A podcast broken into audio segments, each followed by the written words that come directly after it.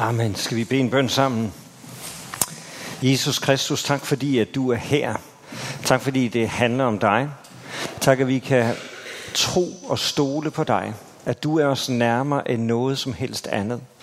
Tak, at du er tæt ved os i vores liv, i alt, hvad det indeholder, af alt, hvad det indebærer. Så er du med os, så bærer du os. Og vi giver dig ære, Jesus Kristus. Du er Guds søn, og du er vores frelser. I Jesu navn. Amen. Amen. Det er dejligt at få lov til at være her og besøge jer i øh, Baptistkirken her. Det er en fornøjelse. Jeg tror, det er cirka fire år siden, jeg var her sidst.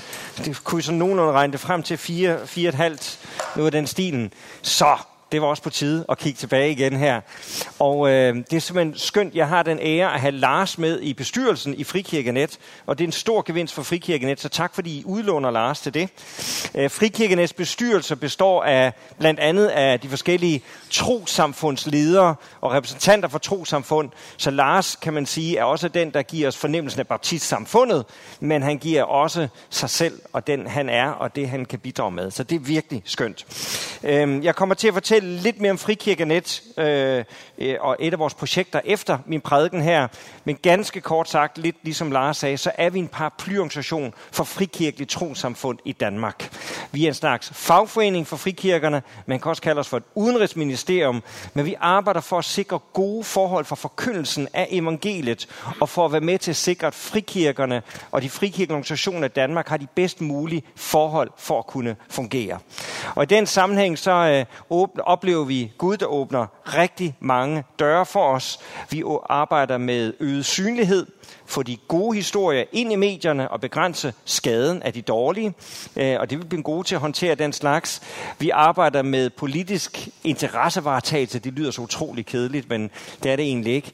Øh, sådan når der er lovgivning, så er vi ind over og med til at prøve at påvirke politikere og embedsfolk i forhold til at skrue lovgivning sammen på en sådan måde, at det ikke bliver en, en trussel for os. Det kunne jeg fortælle jer mange, mange ting om, eller begrænse vores frihed. Øh, og der har været lovforslag, øh, og nogle ting også blev gennemført, men så blev gennemført på en måde, så det ikke er potentielt skadeligt for os. Der var sådan noget som donationslovgivning, hvor øh, der var nogen, der troede med, at, øh, at trosamfund, som var imod abort og øh, var, øh, gik ind for ægteskaber to af, øh, af to forskellige køn, at de kunne risikere at ikke måtte modtage donationer osv. osv. Og der vil vi være ind og sikre, at det ikke på et eller andet tidspunkt kan blive brugt og vendt imod os. Øh, der har også været et hav af andre ting og sager. Så det, øh, det kunne jeg fortælle om i timevis. Det skal jeg nok lade være med at gøre. Øh, og og så arbejder vi med øhm, stærkere samarbejde på kryds og tværs imellem trosamfundene og andre organisationer og forskellige samfundsinstitutioner, hvor vi har et rigtig godt samarbejde med flere forskellige. Og endelig så arbejder vi også for en tillidsvækkende troværdighed. At der er en troværdighed omkring frikirker.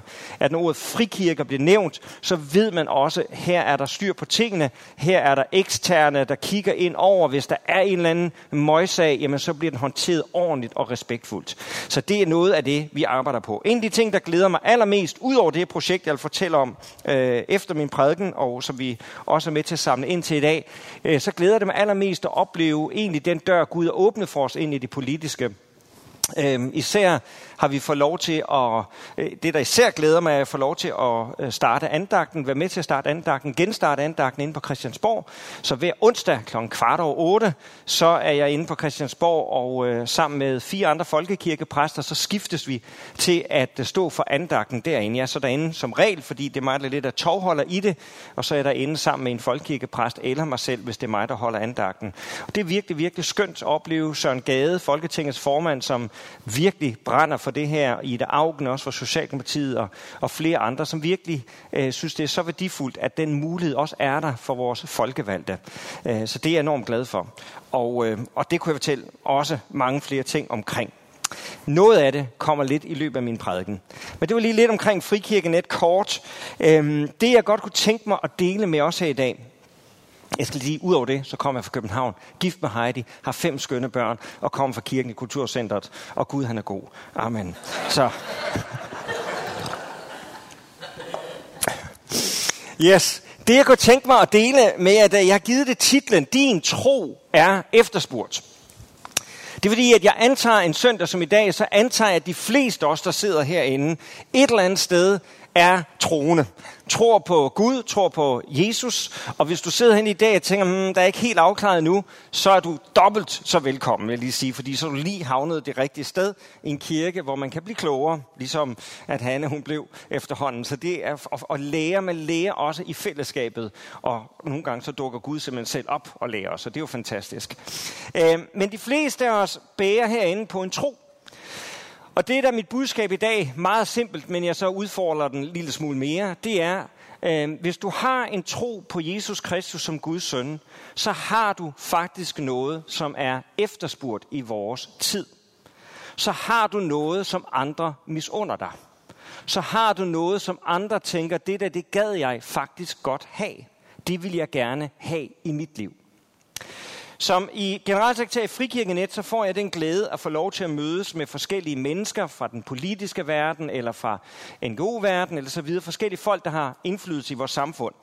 Og af Guds urensagelige veje, så øh, for øh, øh, sådan næsten et års tid siden, øh, så faldt det i mit lod at øh, få lov til at arrangere en middag for en kanadisk professor, det hedder Jordan Peterson. Er der nogen herinde, der kan vide, hvem han er? Jordan Peterson? Ja, der er et par enkelte sjæle, det er godt. Jordan Peterson, han er, øhm, jeg kan sige så meget, øh, da jeg fortalte min søn og min nevø, som begge to er sådan intellektuelle wannabes, ikke? Som, øh, som gerne, som, som du ved, ikke? elsker at læse og være meget kloge, ikke? Øh, på sådan 20-22 år. I kender godt dem, ikke? Øh, skønne mennesker. Da jeg sagde til dem, jeg sagde til dem, I gætter ikke, hvem jeg skal arrangere middag for. Så startede de med at sige, okay, er det, er det, er det Obama? Nej, det er så godt nok ikke. Er det Trump? Nej, det er så heller ikke. Er det Jordan Peterson? Ja, det er det.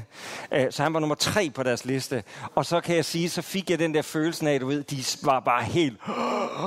Og der er ikke noget bedre for en far, end at have en søn, der bare siger, wow, det er virkelig sejt. Men det var bare for at sige, at Jordan Peterson er en af vores tids meget store stemmer. Nogle nogen elsker ham, andre elsker ham ikke, lad os sige det sådan. Øh, så han er en af vores tid sådan meget stærke, nykonservative stemmer. Og når han er i Danmark, så samler han fulde huse. Øh, og jeg fik så lov til at arrangere en middag for ham både i, i, i juni og i august hvor jeg så inviterede 12 forskellige indflydelsesrige mennesker i Danmark til at være med til den middag. Men det, der var min hovedpointe med det, det var samtidig, så var vi så med ham bagefter ind i, i foredraget ind i KB-hallen. Og KB-hallen, den kan rumme cirka 3.000 mennesker. De havde alle sammen betalt 750 kroner minimum for at komme ind og høre Jordan Peterson. Så da jeg kom ind i KB-hallen sammen med gæsterne, vi lige haft middag med ham, og vi kom ind, og vi fik så nogle fine pladser selvfølgelig. Øh, og det var, man følte sig virkelig som en star. Det var virkelig flot og sjovt. Øh, men så da jeg kiggede rundt, så tænkte jeg, hold da op, en sprængfyldt kåbehal, fyldt med primært unge mennesker, som er her og har betalt 750 kroner for at lytte til ham. Og måden Jordan Peterson taler på, når han taler, det er meget simpelt. De sidder sådan i to stole, ham og hans kone, op på scenen, og øh, så har folk kunne sende spørgsmål ind, og så vælger hans øh, kone nogle af de spørgsmål og stiller dem til Jordan, og han bruger cirka en halv time om at besvare hvert spørgsmål. Så der er fire spørgsmål på en aften. Det lyder utrolig kedeligt. Det er det også, hvis man ikke lytter rigtig godt efter, fordi så ryger man helt af sporet, fatter ikke et hak af, hvad han siger. Man skal lytte meget intenst hele vejen igennem. Så jeg var selvfølgelig meget interesseret og tænkte, kan vide, hvad spørgsmålet er? Og det første spørgsmål, som øh, Tammy, hans kone, tager op, allerførste spørgsmål i den her sprængfyldte sal, hvor folk har betalt 750 kroner for at komme ind. Vi taler Danmark, vi taler København, vi taler unge mennesker. Det er, hvordan passer skabelsesberetningen overens med evolutionsteorien? Og jeg tænker, wow, det var da interessant. Det er det første spørgsmål, som de tager op i en sprængfyldt kåbehal. Meget interessant. Kan vide, hvad han vil sige om det? Altså, jeg tænker sådan tilbage i min ungdom, fordi i min ungdom, jeg er desværre halv gammel, vil jeg sige, et halvt århundrede snart, øh, men i min ungdom, der havde vi sådan mange diskussioner om skabelse og evolutionsteori, ikke, hvor vi skulle bevise, at skabelsesberetningen, den var god nok, evolutionsteorien, den var forfærdelig hullet, du ved. Altså, du ved, jeg ved ikke, om nogen af jer kan genkende det billede, men det var sådan der sådan en kamp, at den er god nok, og den der sådan, jeg tænkte, er det det, vi er ude? Hvad, hvad skal der nu ske? Men det, der var interessant, det var, at han havde fuldstændig anden tænk på det. Han øh, brugte rimelig lang tid på at beskrive evolutionsteorien, og, og de nyeste sådan udviklinger inden for øh, evolutionspsykologi, evolutions, altså læren omkring mennesket fra et evolutionært synspunkt. Og så går han hele den her vej her, og det er derfor, man skal virkelig lytte efter, fordi hvis man mister den røde tråd, så er man out. Ikke? Men man lytter, men så går hele den her vej her, og så kommer man hen til skabelsesberetningen, og så, ender han, så kommer man frem til konklusionen, man siger, alt det her, som de her de har fundet ud af, det er jo det, skabelsesberetningen hele tiden har sagt omkring mennesket. Så han siger, at skabelsesberetningens menneskesyn er den, er den bedste måde at forklare menneskets eksistens på. Og det er det, som evolutionsteoretikerne efterhånden er ved at nå frem til. Og det synes jeg var vildt interessant. For det første, så ophæver han jo sådan en modsætningsforhold med, er du skabt eller ikke skabt? Det går han så set ikke ind i, den diskussion. I stedet mod den diskussion har så topt egentlig at sige, skabelsesberetningen, den har faktisk noget at sige os, og forklare os som moderne, rationelle mennesker, så vi vil opdage, at Bibelens fortællinger faktisk har rigtig meget at fortælle os om, hvem vi er i vores eksistens, hvad enten du er troende eller du er ikke troende. Taler jeg for hurtigt? Undskyld. Det siger du ikke virkelig overraskende. Det er stort set første gang i mit liv, jeg oplever det.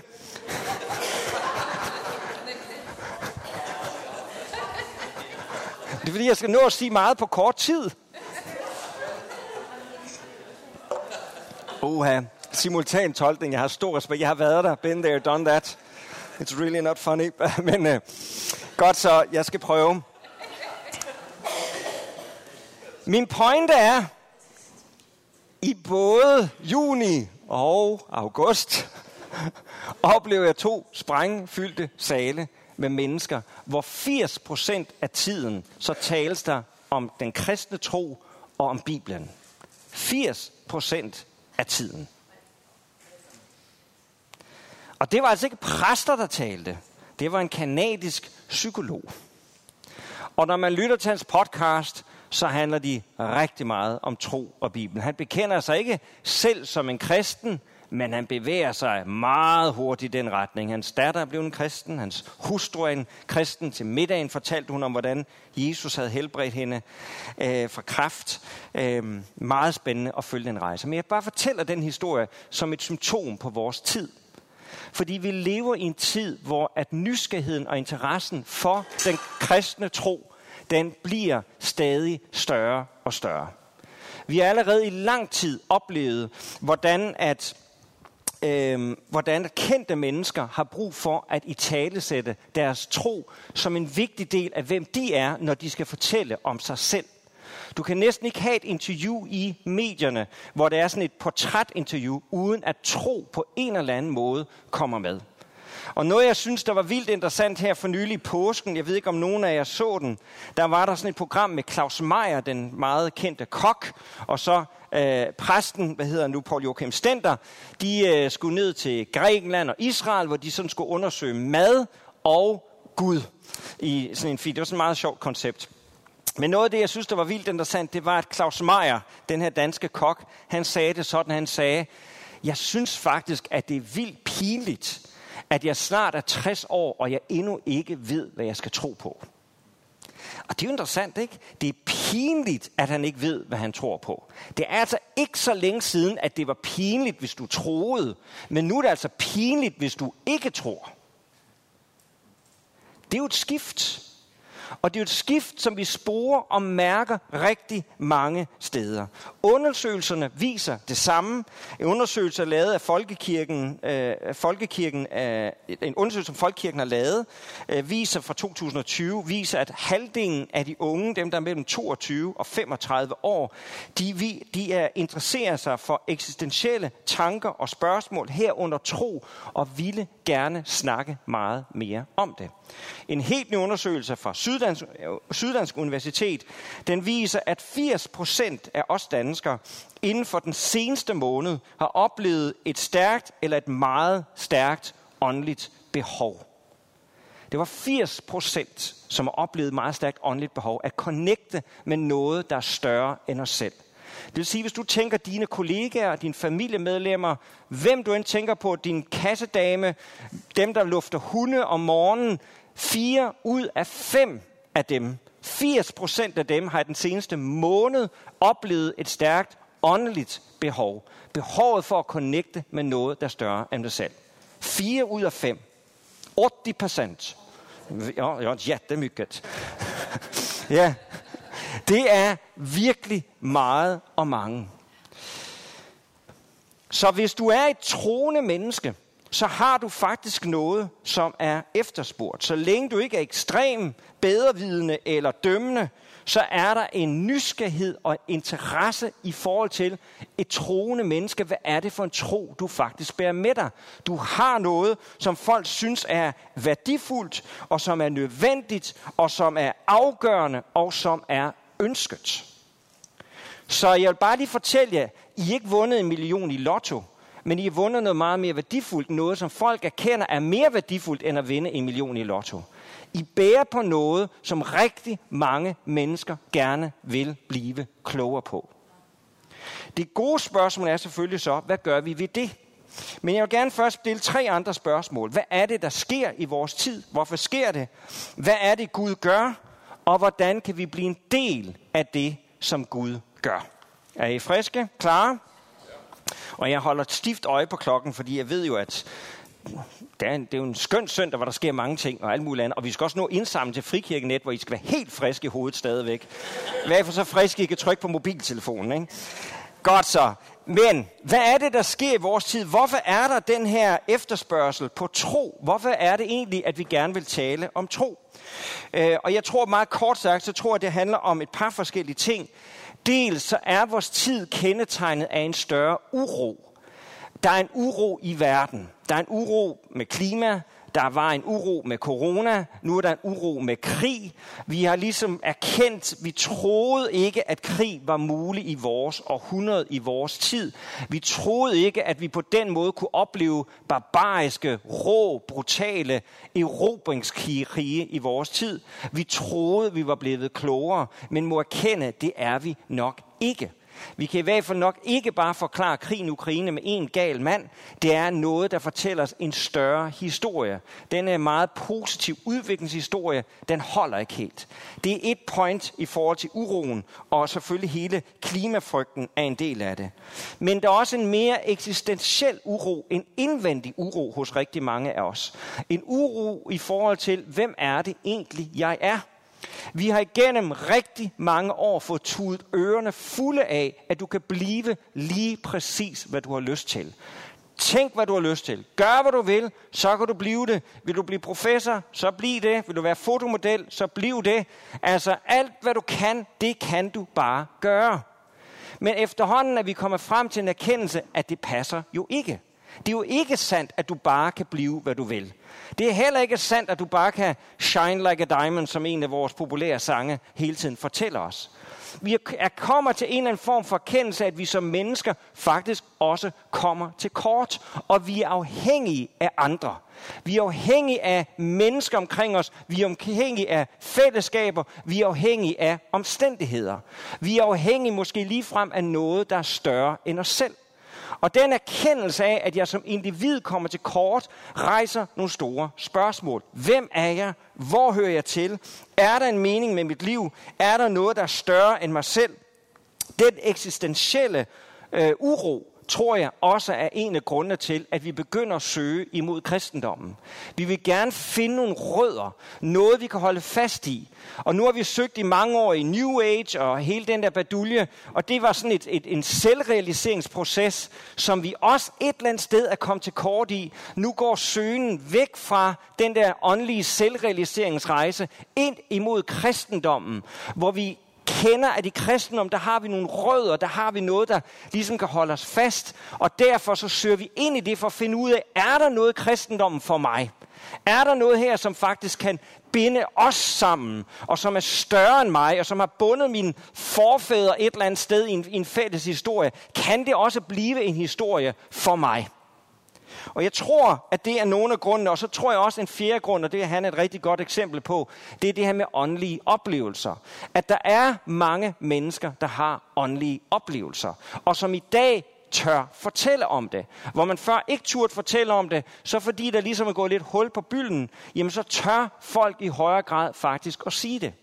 Charlotte Rørt, som jo bor her i Aalborg, og en af mine meget gode venner, hun var en helt almindelig sekulær journalist, som i, under turistbesøg i en kirke i Spanien pludselig oplever, at Jesus står foran hende, og hun ser Jesus i et syn.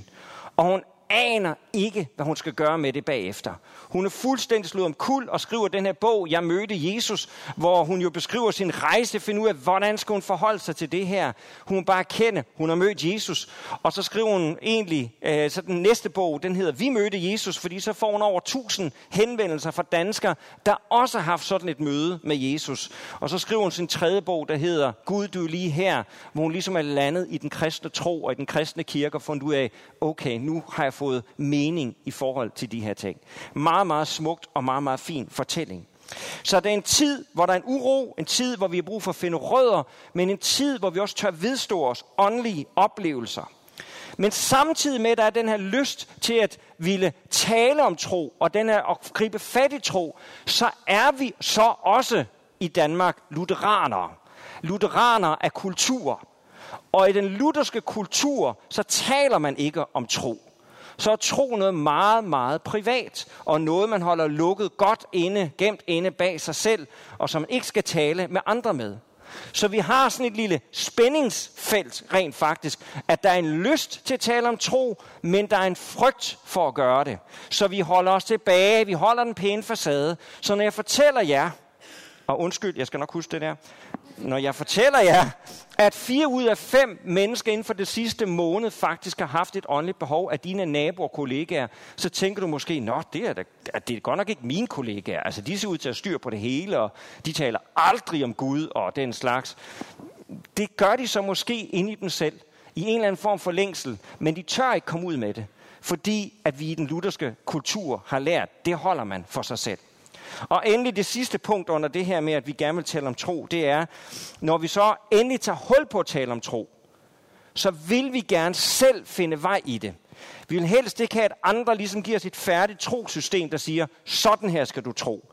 Vi vil gerne selv være på en rejse og finde ud af, hvad er det? Vi hiver lidt der og derfra og finder ud af det, og efterhånden så lander vi et sted i Betelkirken, eller hvor vi nu måtte lande, hvor vi siger, her er jeg, men hvor det er resultatet af en egen rejse og egne overvejelser. Det er mit første punkt. Hvad er det lige, der sker? Mit andet punkt. Hvad er det, Gud gør, når vi nu ser alt det her ske? Hvad er det så, Gud gør i vores tid? Og jeg tror aldrig, der er sådan en åbenhed i et land, som vi oplever nu, uden at der er en åndelig forklaring. Der er helt klart en sociologisk forklaring. Uroen og så videre, den er der. Men der er også en åndelig forklaring. En åndelig forklaring, der siger, at gennem hele menneskehedens historie, gennem hele kirkehistorien, så kan vi se, at der er tider, hvor der er en særlig åbenhed over lande eller over byer.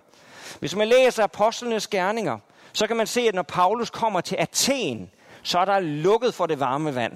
Der er ingen, der gider at høre på ham. De griner af ham, og der er kun ganske få, der bliver kristne i byen Athen. Men når han kommer til Korinth, så siger Herren sådan her til ham. Prøv at høre, hvad der står. I Korinth. Og Herren sagde til Paulus i et syn om natten, mens han er i Korinth. Frygt ikke, men tal og ti ikke, for jeg er med dig, og ingen skal lægge hånd på dig og gøre dig for træd, for jeg har et talstærkt folk i denne by så boede Paulus der i halvandet år og underviste om Guds ord iblandt dem. Så der er en tid, hvor Gud han siger, her i Korinth, Paulus, der er der åbent. Der er der et folk, som jeg har forberedt. Du skal blive her, du skal prædike ord, du skal undervise, du skal give den fuld skrue, Paulus. Fordi det er her, det sker. Og Paulus bliver, og så giver Paulus den fuld skrue. Så man kan sige, hvad er det Gud gør i vores tid? Der er en åbenhed, tror jeg, som også er forbundet med en form for åndelig åbenhed, som er gudgiven.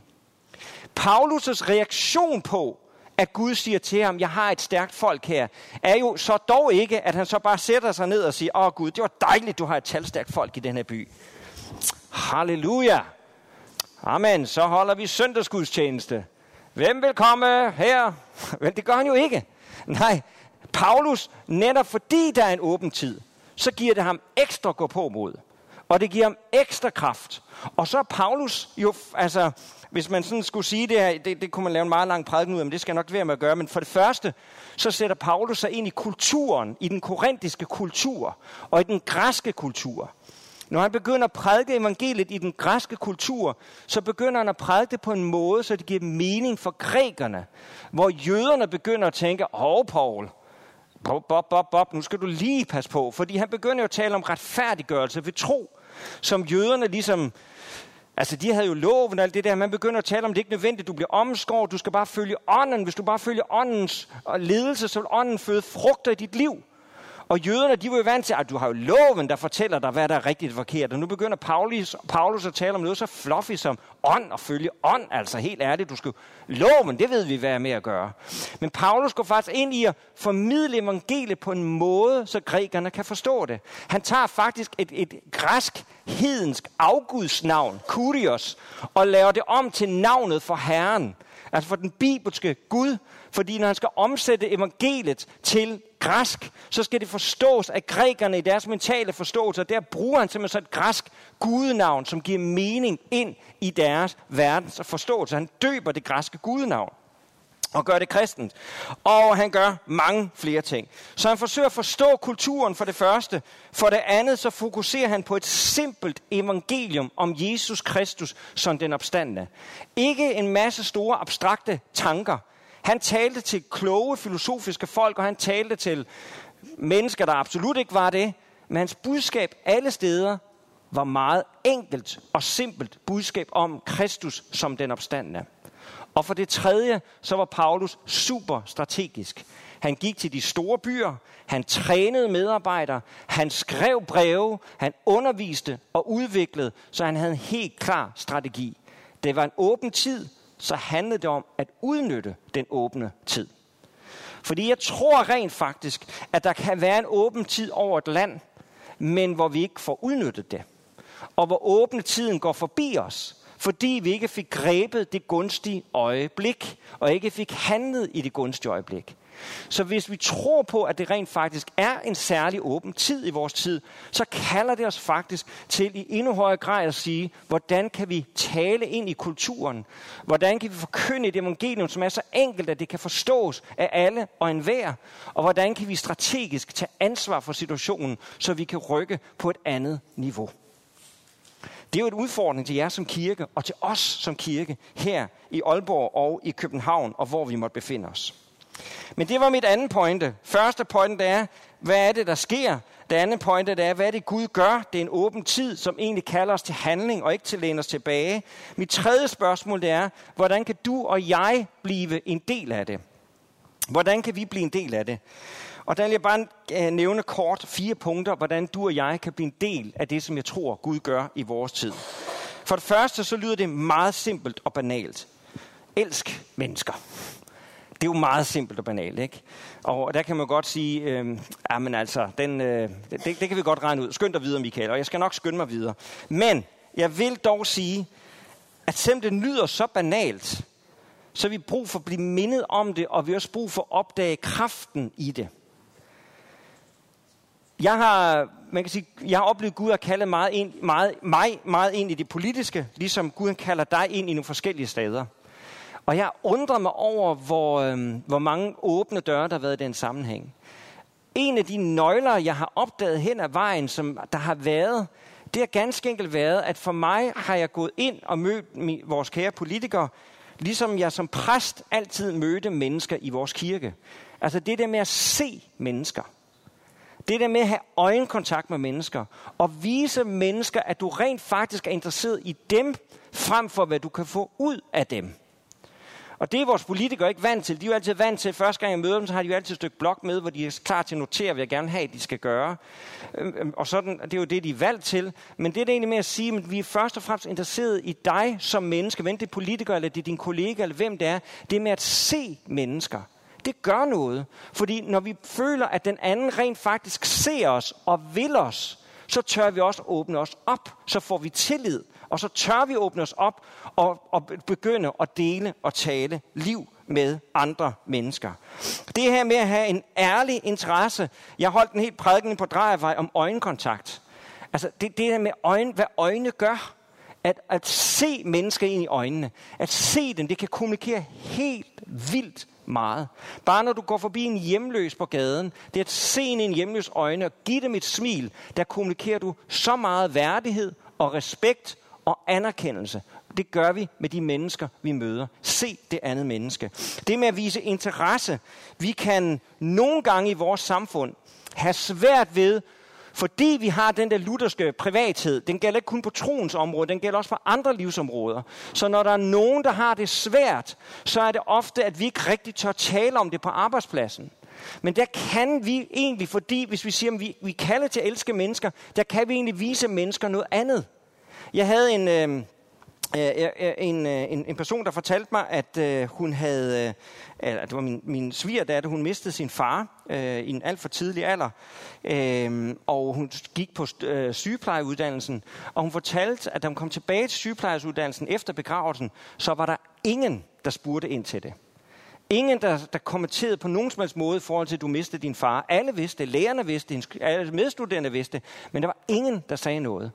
Og det er jo fordi, vi er så bange. Vi har ikke noget sprog. Vi ved ikke helt, og siger nu noget forkert. Og så vælger vi at være stille. Men min erfaring er, og det jeg vil opmuntre os til, det er at turde og vise ærlig interesse, turde spørge ind til folk at det skader aldrig, hvis nogen går igennem noget svært, hvis nogen går igennem sygdom, dødsfald, skilsmisse, noget af den stilen, og bare sige til dem og sige, ved jeg hører, at du er gået igennem, øh, går igennem en skilsmisse. Det er jeg virkelig ked af, og jeg håber, at du, at du klarer det, eller jeg, jeg håber, at du kan finde styrken til at komme igennem det. Et eller andet i den stilen.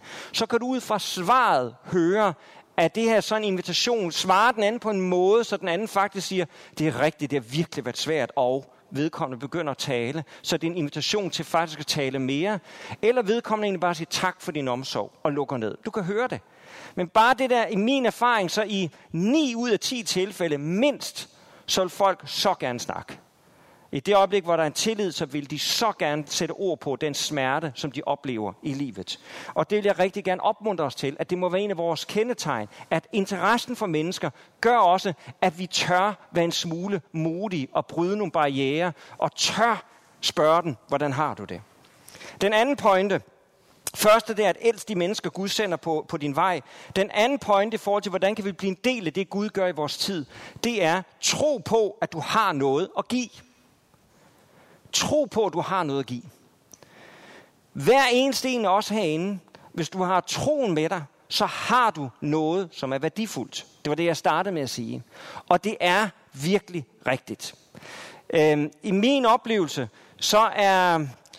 Øh, jeg, jeg kan sige, jeg havde, der var en toppolitiker, der på et tidspunkt, øh, ikke for så lang tid siden, skrev til mig og sagde, Michael, kan vi ikke bare mødes, kan vi ikke mødes over en frokost uden dagsorden? Og jeg tænkte, øh, Øh, jo, det vil jeg jo selvfølgelig rigtig gerne. Først imponeret over, at vedkommende overhovedet har tid, vedkommende kontakter mig, og vedkommende overhovedet vil øh, mødes til en frokost. Det synes jeg, det var, det var ret imponeret over. Jeg havde mødt vedkommende et par gange, og vi havde haft en, en god kemi i nogle forskellige sammenhænge. Øh, men her var helt klart, hvor han rakt ud. Jeg var godt klar over, når, når, når han gjorde det, så var jeg godt klar over, okay, der er jo, altså, det er jo sikkert helt, det, det han er, er, ønsker, det er jo en eller anden form for, for altså, det, han må mærke et eller andet i mig, som han vil have fat i på en eller anden måde, tænkte jeg. Men jeg tænkte, åh, hvordan søren, du ved, altså, jeg, jeg begyndte lige at læse noget politisk filosofi, for jeg tænkte, jeg skulle have noget at byde ind med i samtalen. Ikke? Så jeg prøvede lige at læse op på noget politisk filosofi og personalisme, som jeg lige synes passer ind i det der. Og, og så tænkte jeg lidt, ej, hvad søren skal jeg tænke? Og så slog det mig midt i alt det, så jeg tænkte, nej, altså, det er jo ikke det. Det er jo i bund og grund, så er der noget, et eller andet Gud i mig, han fornemmer. Og det må jeg jo have en tillid til. Så jeg skal simpelthen ikke forberede mig. Jeg skal egentlig bare være det menneske, jeg er, og vise den interesse, som jeg reelt har, og som du har i det andet menneske. Bare vise den interesse. Og det gjorde vi så, satte os ned og spiste frokosten, og øh, havde en rigtig, rigtig god frokost, som kom til at handle rigtig meget om tro. Og vedkommende øh, var øh, øh, vildt interesseret i at netop tale om tro, og vi aftalte at mødes igen, og har mødtes faktisk i sidste uge igen, for at tale omkring, hvad er det egentlig kristendommen går ud på, hvad er det, den handler om. Og det er jo sådan, fordi den, den nysgerrighed, den er der. Og derfor så skal du ikke kunne hele din bibelhistorie, du skal ikke kunne al mulig teologi. Det er egentlig bare din egen trosreflektion, din egen livsreflektion, din smerte, din tilkortkommenhed, din manglende evne til at kunne finde ud af at formulere dig i sig selv, den er faktisk også interessant, fordi du tager tro der. Så det med at tro på, at du har noget at give, er utrolig væsentligt for at blive en del af det, som Gud gør i vores tid.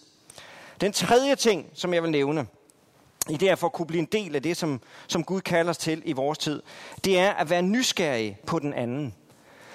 Så det er både at have troen på, at du har noget at give, men det er også at være nysgerrig på, hvad bærer den anden med sig og være nysgerrig på den andens verdensbillede og forståelse. Og der tror jeg, at vi som frikirkefolk, det kan godt være, I baptister, I er nok ikke helt lige så slemme, som jeg kommer fra pinse baggrund. Pingst, halleluja, tak og lov. Jeg ved ikke, og især at jeg elsker svensk pingst, du ved, det er sådan, oppa, det er sådan, de er meget karismatiske i Sverige, vi elsker svenske pinsefolk. Nå, men det var en tidebemærkning. Øh, men, øh, øh, altså, øh, der har vi haft en tendens til nogle gange at være meget absolute. Så vi har haft en tendens til at sige, når vi har, når vi har talt med andre folk om evangeliet, så har vi implicit sagt, det her, det er det, du skal tro på. Det her, det er rammen. Det her, det er kassen. Og det har så gjort, at der er folk, der ligesom har sagt, okay, den kasse passer jeg ikke ind i. Jeg havde en interessant samtale med Pia Olsen Dyr fra SF øh, på, på et tidspunkt, hvor vi havde sådan en offentlig samtale og interviewede hende og, og Søren Pape og nogle andre. Øh, og Pia, hun sagde det til mig, hun sagde, hun kendte faktisk, hun havde faktisk en veninde, der var kommet i Pinsekirke dengang, altså, som, hun var, som var veninde med hende, da hun var ung. Så hun havde inviteret Pia med i en Pinsekirke. Det var godt nok blevet lige lidt for meget det gode, sagde hun så, så det, det var hun så øh, ud af. Men noget, hun sagde, der var interessant, det var, hun sagde, jeg har jo aldrig rigtig troet på opstandelsen, sagde hun. Øh, og det betød altså, at min veninde ikke ville godkende mig som en kristen. Men det skulle hun ikke have lov til at tage fra mig. Og det er jo ret interessant, ikke? Fordi jeg er jo, jeg er jo enig, altså uden opstandelse, så har du ikke meget kristendom. Det vil, det vil, det vil jeg nok sige. Men på den anden side set, så er jeg jo nødt til at lytte. Og jeg er nødt til at have nysgerrighed. Fordi det er interessant, jamen, hvad mener hun så, når hun siger, at, øh, at det skal ingen tage fra hende? Altså når den kristendom så faktisk betyder så meget for hende, er der så alligevel nogle broer der, vi kan bygge på? Og så øh, til sidst i samtalen, så spurgte jeg hende og Søren og Alex Vandokslag var der også, og så spurgte jeg, at vi skal nævne én ting, som I synes er enormt vigtigt for jer personligt for kristendom. Hvad skal I så nævne? Og så siger Poulsen Dyr, så siger hun så, ja, jeg ved godt, det lyder selvmodsigende, men det vigtigste for mig i kristendom, det er opstandelsen. og det er jo fantastisk. Og det er jo så, fordi hun så siger, det er, for, det er fordi, sådan opstandelsen fortæller mig, at der altid er en ny start, der altid er en ny begyndelse. Og når jeg er i svære tider ind på Christiansborg med hårde forhandlinger, så går jeg nogle gange ind på toilettet, og så beder jeg fader hvor, synger en opstandelsessalme, og så rejser jeg mig og går ind til forhandlingerne igen. så ved vi, hvad de laver i de der tissepauser der, ikke? Men, men det er jo interessant, og det er jo med at være nysgerrig på at kunne gribe den der sige, hvad er det, du egentlig mener? Jeg havde et interview et andet sted med en dansk forfatter, Jens Christian Grøndal, som er en, en sådan forholdsvis kendt dansk forfatter, som er gået fra ateisme til kristendommen, og, øh, og som i dag er, er menighedsrådsformand og ting og sager. Og, og han, øh, han havde jo sådan den samme, sådan, det var sådan svært for ham, det der med opstandelsen og jomfrufødslen og sådan noget. Men han udtrykte det på den her måde, han sagde sådan, han sagde, jeg er fanget mellem to dilemmaer. Jomfrufødslen og opstandelsen. Og det er jo egentlig meget smukt sagt, fordi på den måde får han jo sagt, jeg forstår ikke jomfrufødslen, jeg forstår ikke opstandelsen, men jeg må erkende, at jeg er fanget imellem dem. Og ved at sige det på den måde, så er han jo egentlig, så lukker han jo op lidt for en dans, hvor han jo sådan egentlig siger, ja, jeg, jeg, jeg kan ikke helt forklare det, men, men jeg må bare kende, det er her, jeg er et eller andet sted. Og det får mig til at tænke på, når Jesus han fortalte lignelser i, i, i, i det nye testamente. Når han fortalte lignelser, så var lignelserne, det er jo ikke sådan eksakt en til en budskaber. Lignelser, det er jo en historie, som du ligesom skal tænke over, og nogen fatter den, og nogen fatter den ikke. Og nogle af dem, der ikke fatter den, de fatter den først meget senere, når de ligesom er nået til en form for større åndelig udvikling, havde jeg sagt. Ikke? Men, men sådan er det jo i lignelsen og i poesien. Bibelen er jo fyldt med poesi. At det ikke er sådan en rationel en til en, du skal tro det her, ellers så er du udenfor, og hvis du ikke gør det, hvis du gør det, så er du indenfor. Det er meget oftere den her rejsen, og det er det, jeg tror, i den der nysgerrighed over for den anden. Vi er nødt til at kunne danse med hinanden. Vi er nødt til at kunne være poetiske. Vi er nødt til at kunne give plads til historiefortællingen. Og kunne gå med hinanden, uden at blive den her meget sort-hvide. Og så kommer jeg til det sidste punkt, og nogen siger halleluja og amen. Øh, og mit sidste punkt, det er, vær modig. Øhm, hvis vi gerne vil være en del af det, som Gud gør i vores tid, så kræver det mod. Det kræver lidt mod. Om lidt så kommer jeg til at fortælle om et, et projekt i Frikirkenet, som vi er, er, har fået lov til at være pioner på, som kræver lidt mod. Vi har prøvet at reducere det, så det kræver så lidt mod som muligt, men det kræver stadigvæk noget mod. Øh, fordi at vi kan ikke undvære mod, og for øvrigt vores lederkonference i år, Frikirkenet, den, den handler om mod, og kraften, som ligger i mod. Fordi det handler om, hvis vi gerne vil en del af det, Gud gør i vores tid, så kræver det noget mod. Det kræver noget mod at kigge et andet menneske ind i øjnene. Det kræver noget mod lige at stanse op. Det kræver noget mod at sige, jeg er ked af at høre, at din far døde i sidste uge. Det kræver noget mod at turde bringe de her ting på banen, men det er nødvendigt. Og jeg vil sige, hver eneste gang jeg våger at være modig, stort set hver eneste gang, så oplever jeg, at der er et gensvar, der er positivt. Selv fra mennesker, nu får jeg lov til at, at, at arbejde med mennesker, der har en indflydelse. Nogle gange så møder jeg også mennesker, som er kendte og berømte i Danmark, og jeg, som du ved, nogle gange kan man godt blive sådan lidt, åh, lille mig-agtigt, ikke også? Men jeg oplever hver eneste gang, hvor man lige tager sig lidt mod så er der, uanset hvor travle de er, uanset hvor meget de virker til at styr på deres liv, uanset hvor meget det er, så er der et positivt gensvar. Og det gælder også alle. Det gælder 80 procent af os danskere, der et eller andet sted mærker et åndeligt behov. Så du og jeg kaldes til at turde være modige, turde tage det lille ekstra skridt, turde give komplimentet, se ind i øjnene, spørge om de har lyst til at mødes over en kop kaffe. Du forstår endnu bedre øh, om lidt, når jeg, hvad jeg hentyder til med det. Øh, men man kan også bare mødes over en helt simpel kop kaffe, eller en samtale. Der kan der ske utrolig meget. Hvis jeg lige skal runde af med det her med mod. Øh, I sidste uge her, der sad inde i, i Folketing, hvor vi havde en, øh, vi har en, øh, en lille studiegruppe, øhm, og, og, og tale omkring det her med kristentro. Og det var første gang, vi skulle have den. Og så, øhm, så til sidst, da jeg sådan skulle præsentere studiegruppen på forhånd, så havde jeg tænkt, hvis det her det bare bliver en intellektuel studiegruppe, det, det, det, det er ikke fint, men det dør ud. Der skal mere til. Vi skal have livet med, vi skal have fortællingen med, hvor vi er i vores liv, og vi skal have bønden med i det her. Og så det her at våge at bringe i spil og sige til de her kære mennesker, så jeg, ved, jeg synes det er super fedt, at vi har lyst til at, at ligesom få en intellektuel samtale om kristendommen, men vi har brug for at lægge ud med at sige, hvad er det bedste og det dårligste, der er sket i vores liv den sidste uge. Vi er nødt til at have livet med i det, vi taler om. Fordi ellers bliver det teori, og så kommer det ikke til at give mening. Og så skal vi bede fader vores sammen til sidst. Øh, og det var jo sådan lige et lille modeskridt. Jeg kunne godt lige mærke, at de skulle sådan lige, lige sluge den.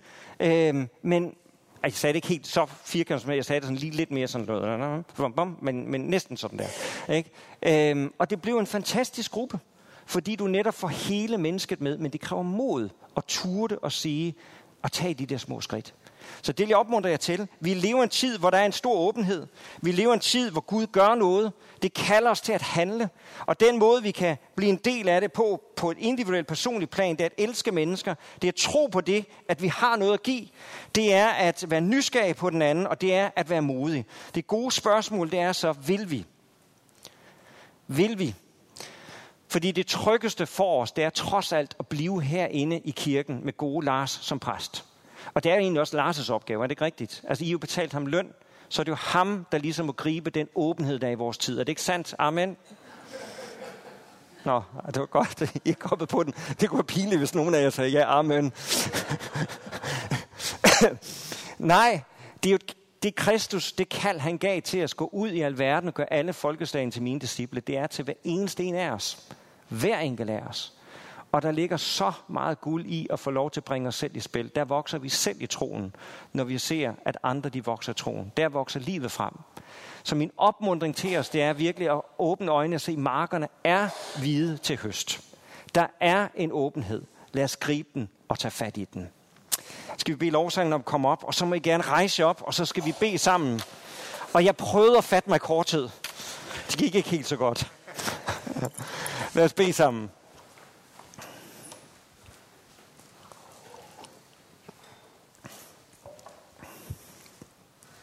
Kære Jesus, tak fordi du kender den her tid, som vi er i lige nu. Og tak fordi du kender mennesker, vores kollegaer og vores venner, vores familie, andre folk omkring os. Herre, tak fordi du kender hver eneste en af dem. Alle dem, som måske et eller andet sted længes efter dig. Som måske et eller andet sted søger efter dig, men som ikke tør sige det til nogen. Jeg beder dig, om du vil give os mod til at bryde isen. Mod til at række en, en lille åbning op. Mod til at, at give en mulighed for at, at kunne respondere, hvis der er nogen, der har lyst til at tale mere. Her det beder vi dig om. Far, må dit rige komme. Det beder vi om i Jesu Kristi navn. I til vores kollegaer, til vores venner og til vores familie. Og bare lige mens vi står her med lukkede øjne, og lovsangen lige om et øjeblik begynder at lede sin lovsang, så vil jeg gerne opmuntre dig til at se dine venner, naboer og kollegaer, familiefolk øh, øh, omkring dig i, i, i dine tanker. Prøv at se dem for dig. Og når, de ligesom, når du lige sådan passerer revy, så bare tænk det, at 80% af dem har faktisk en åndelig længsel i deres liv. Og der er så mange af dem, der faktisk har en åndelig længsel. Det skal ikke gå upåagtet hen. Gud har måske netop placeret dem i dit liv og dig i deres liv, fordi han igennem dig på en eller anden måde ønsker at vise dem sin kærlighed og give dem en mulighed for at kunne give gensvar. Og mens du bare lige tænker på nogen, så beder vi for dem lige nu.